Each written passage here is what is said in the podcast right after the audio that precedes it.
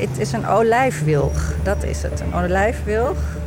En hij, als hij bloeit, trekt hij uh, uh, bijen aan. Daar letten we ook op. Uh, zoveel mogelijk biodiversiteit is een soort puzzel die je maakt. Van groen blijvend, hoogtes, bloeitijd, structuur. Heel leuk. Ik ben Bertien Minko en je luistert naar Van Grijs naar Groen. Het is een serie podcast over de transformatie van de Knowledge Mile van een grijze zee van asfalt naar een groene oase in de stad. In deze aflevering wandelen we door het gebied met drie mensen die zichzelf nu even aan je zullen voorstellen. Ik ben Sanne Hoorn. Ik ben de groenontwerper van Knowledge Mile Park.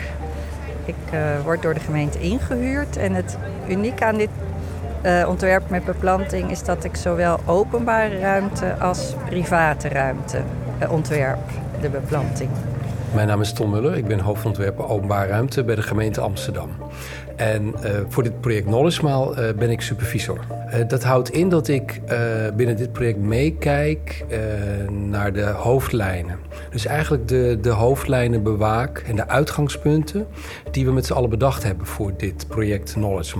Ja, ik ben Arjan Kool. Ik ben landschapsontwerper. Twee jaar geleden ben ik betrokken bij het project Knowledge Mile Park. Om eigenlijk samen met nou ja, alle gebruikers in het gebied te kijken van hoe we deze as eigenlijk uh, tussen het Amstelplein en de Eitunnelmond, hoe we dat kunnen gaan vergroenen.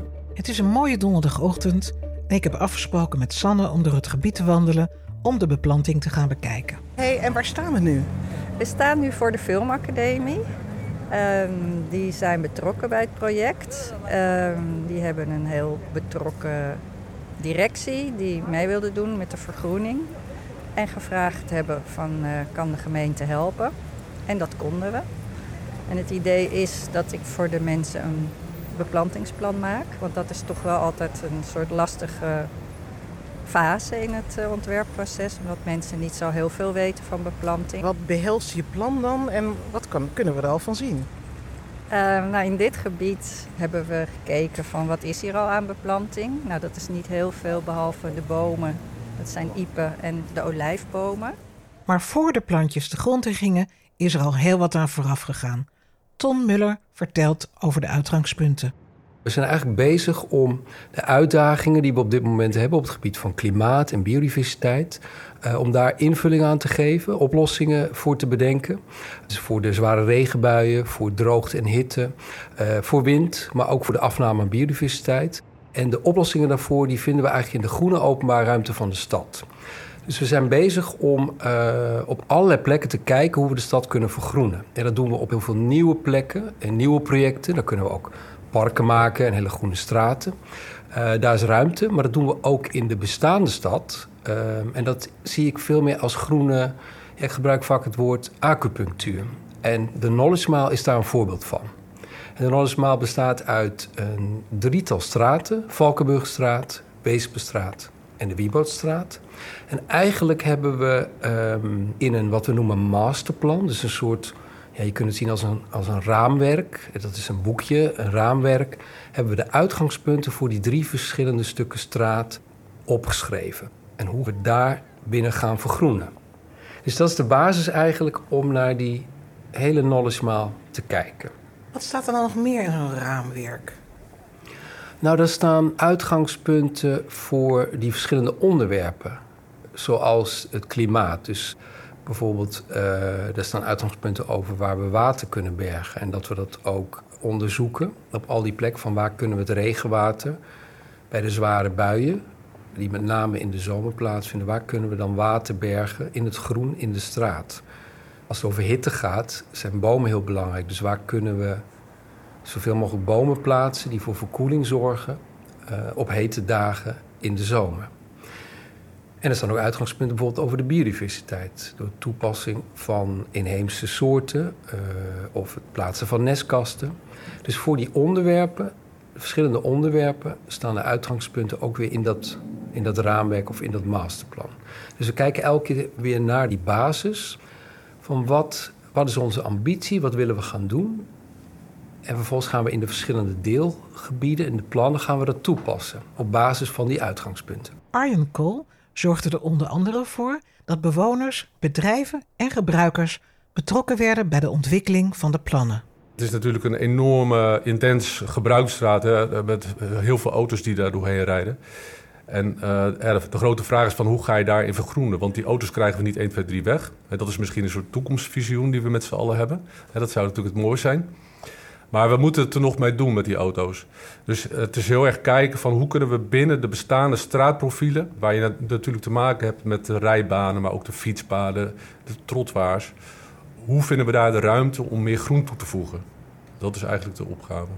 En dat doe ik samen dus met uh, met alle gebruikers in het gebied, mensen die er wonen, die het gebied goed kennen, in een uh, nou, best wel intensief participatieproces.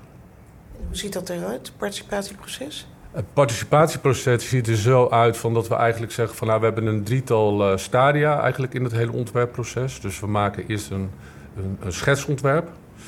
Dus dat is eigenlijk een, een ontwerp in hoofdlijnen. En vervolgens gaan we naar een voorlopig ontwerp en dan een definitief ontwerp. En we nemen dus de verschillende mensen en betrokkenen nemen we mee in dat proces.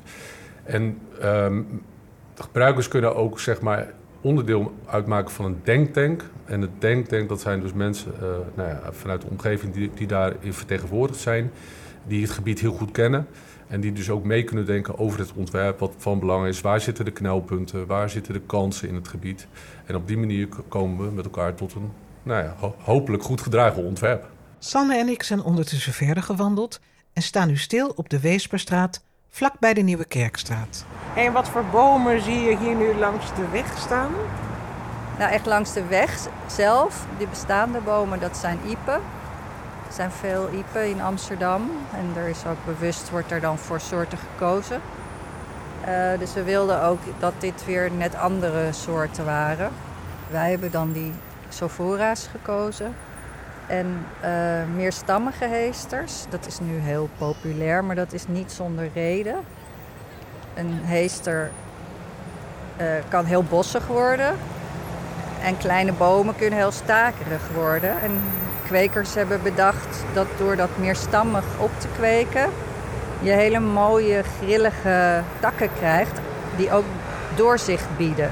Ja, dus toch transparant blijven. Ja, precies. Maar het is niet één zo'n staakje met daarbovenop een bolletje. Want dat, dat doet dan gewoon niks op ooghoogte.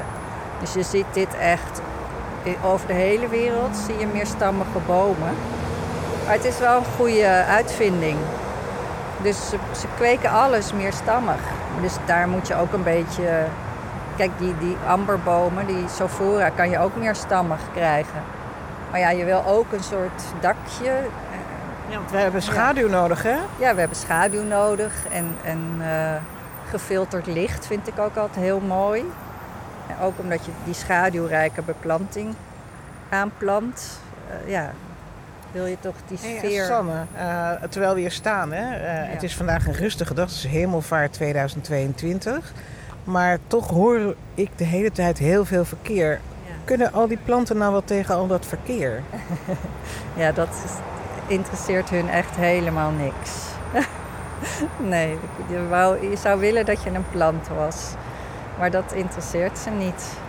En ja, ook deze groene, ja, hoe zeg je dat, injecties doen we ook om, ja, als een soort voorloop op die hele Wieboud Weesper, om die autoluw te maken. Dat zit nog steeds in de plannen. Maar dat is gewoon een heel lang proces. En door corona ook nog op een lange baan geschoven. Maar uiteindelijk heb je hier natuurlijk een geweldige kans. Zoveel ruimte. Stel je voor dat dat, dat verkeer weg kan. Dan, dan, dan wordt dit het groenste deel van Amsterdam.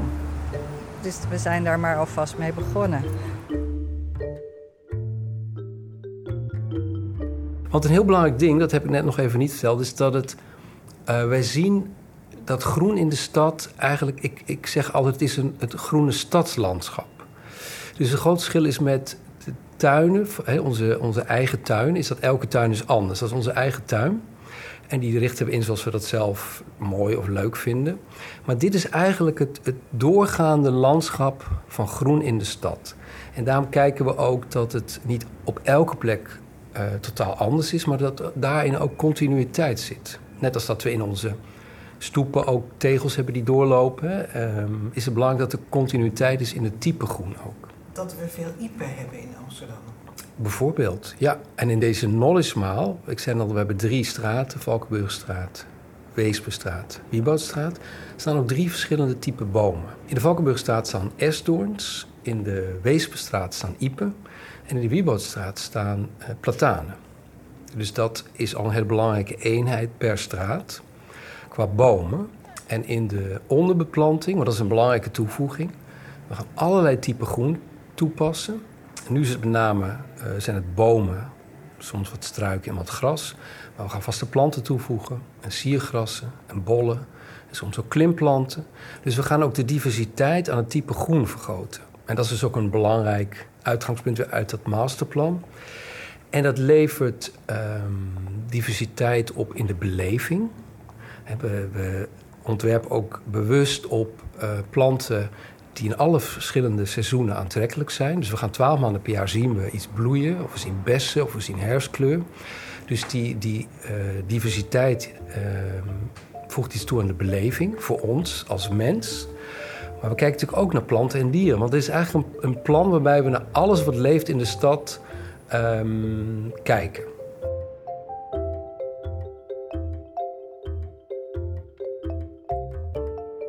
Weesperplein. Uh, ja, Weesperplein is uh, denk ik een hele bijzondere plek, ook langs die Knowledge Mile. Omdat het uh, eigenlijk, je zou kunnen zeggen, de entree is eigenlijk van de historische binnenstad. Je komt eigenlijk, uh, ja, je gaat als het ware de Mauritskade ga je over, hè, de, of de, de, de Singel. En dan kom je als het eerste op het Rijnspoorplein. En als je nu gaat kijken in het gebied, dan is het Rijnspoorplein een enorm versteend gebied. Er staat eigenlijk er staat gewoon geen groen. Uh, er staan heel veel fietsen. En dan denk ik, dit is wel je entree van je, van je binnenstad, hè? zo versteend plein. Van, kan dat niet anders? Vervolgens heb je natuurlijk het kruispunt met de Savatistraat. En dan, krijg je eigenlijk het gebied van uh, het Weesperplein zelf. Maar wat opvalt is dat uh, de Iepen eigenlijk vooral staan ter hoogte van... Uh, ja, eigenlijk bij Cantarel aan de ene kant. En aan de andere kant de Diamantbeurs. Daar staan eigenlijk de, de mooiste Iepen.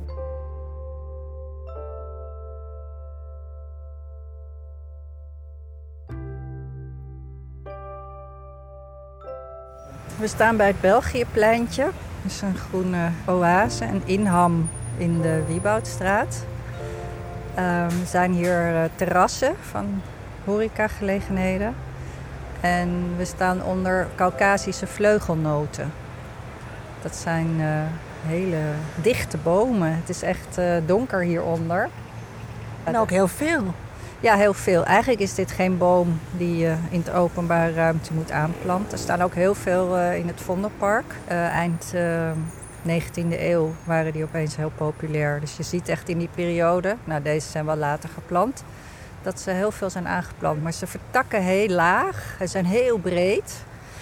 Is dan, ja, aan de ene kant heel mooi. Aan de andere kant zorgt het ervoor dat de uh, bestrating opgedrukt wordt. Eigenlijk groeit er heel weinig onder. Maar dat is, vind ik wel mooi van beplanting. Zeker bomen, je moet daar dan toch weer een draai uh, aan vinden. En het ene waarderen en dan ja, kan het ander niet. Dat is nou eenmaal zo. Hier kan je wel echt fantastisch in de schaduw zitten als het heet ja, is. Zeker, zeker.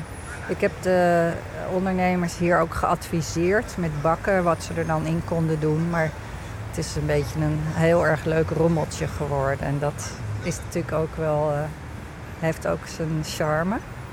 Nou, hier gaan we een enorme, uh, in dit hele gebied, vergroeningsslag maken. Waar we net vandaan kwamen bij Stek, waar we koffie hebben gedronken, komen ook groenvakken. En dit vak houdt op hier bij de laatste vleugelnoot. Maar we pakken er nog uh, iets van zes meter bij. Omdat hier die stoepen ook zo krankzinnig uh, breed zijn. We gaan dit ook allemaal een beetje optillen. Want er zijn hoogteverschillen. Dat is ook goed voor de bomen. En dan eigenlijk is het een beetje een opgetild pleintje. Waar weer meer beplanting uh, een plek kan vinden. Beplantingsplan ben ik nog aan het maken. Maar je kan je voorstellen dat dat niet echt heel makkelijk is. Want bomen nemen ook heel veel vocht en voedingsstoffen uit de grond. Ehm, ja, dus ik zal toch meer met heesters en hele makkelijke beplantingen moeten werken. En nu zie ik dat het vol staat met... Zijn het brandnetels? Wat is het? Uh, brandnetels, heel veel asters staan hier. Aster uh, asran, dat is een plant voor de openbare ruimte. En ik moet zeggen, die doet het gewoon overal. En ja, op een gegeven moment word je er ook wel een beetje gaar van, van die plant. Maar ja, je wilt toch wel iets.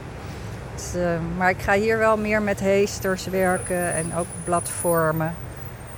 En het leuke is dat we die vergroening helemaal tot aan het Wieboudpark gaan voortzetten. Dus helemaal voor Student Hotel komen groenvakken. De terrassen worden ook helemaal ingepakt met groene, groene vakken. Heel hier, veel... Bij dat gymnasium hier, bij die school? Ja, komen ook uh, bomen.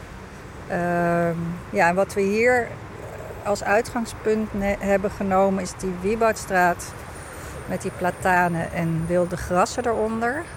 Het is hier heel zonnig over het algemeen. Nemen we dat zonnige, grassige, bloemrijke als uitgangspunt. Dat kan dan weer niet onder de vleugelnoten, maar wel op andere plekken willen we dat echt als karakter meegeven. Dus wat voor soort bloemen vind je daar dan straks? Calimeris, dat is een zomeraster. Een witte bijvoorbeeld. Die lijkt dan een beetje op een margriet. Dat je dat eh, een soort vertaling maakt van uh, het wilde, de wilde planten naar uh, de gecultiveerde. Want die berm is altijd heel mooi zo tot juli. En daarna, ja, dat is ook weer natuur. Dan sterft het eigenlijk weer af. Na de langste dag gaat de natuur alweer in een soort slaapstand. Maar wij willen natuurlijk nog juist in die zomer allemaal bloemen en kleur. Dus we stellen heel wat eisen aan de, aan de natuur.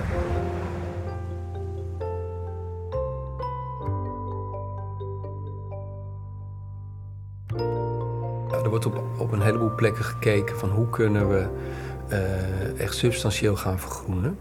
Um, maar de, de samenwerking in dit project tussen de gemeente en de private partijen, mensen die hier wonen en werken, de bedrijven. Uh, dat is wel bijzonder in dit project. Dus ik zie dit project ook als een belangrijk voorbeeld of een pilot voor andere grote stadstraten in Amsterdam. Dus in die zin loopt dit project wel wat voor op veel andere uh, plekken. En we hebben natuurlijk nog andere grote stadstraten die ook eigenlijk vanuit het hart van de stad radiaal de stad uitlopen waar die vergroening ook een belangrijke rol kan spelen. Dus we lopen ehm, ook wel een beetje vooruit. We zijn ook hier heel veel dingen aan het uitvinden. Ook hoe die samenwerking tussen gemeente en de mensen die hier wonen en werken, hoe je dat vorm kunt geven. En dat is inspirerend.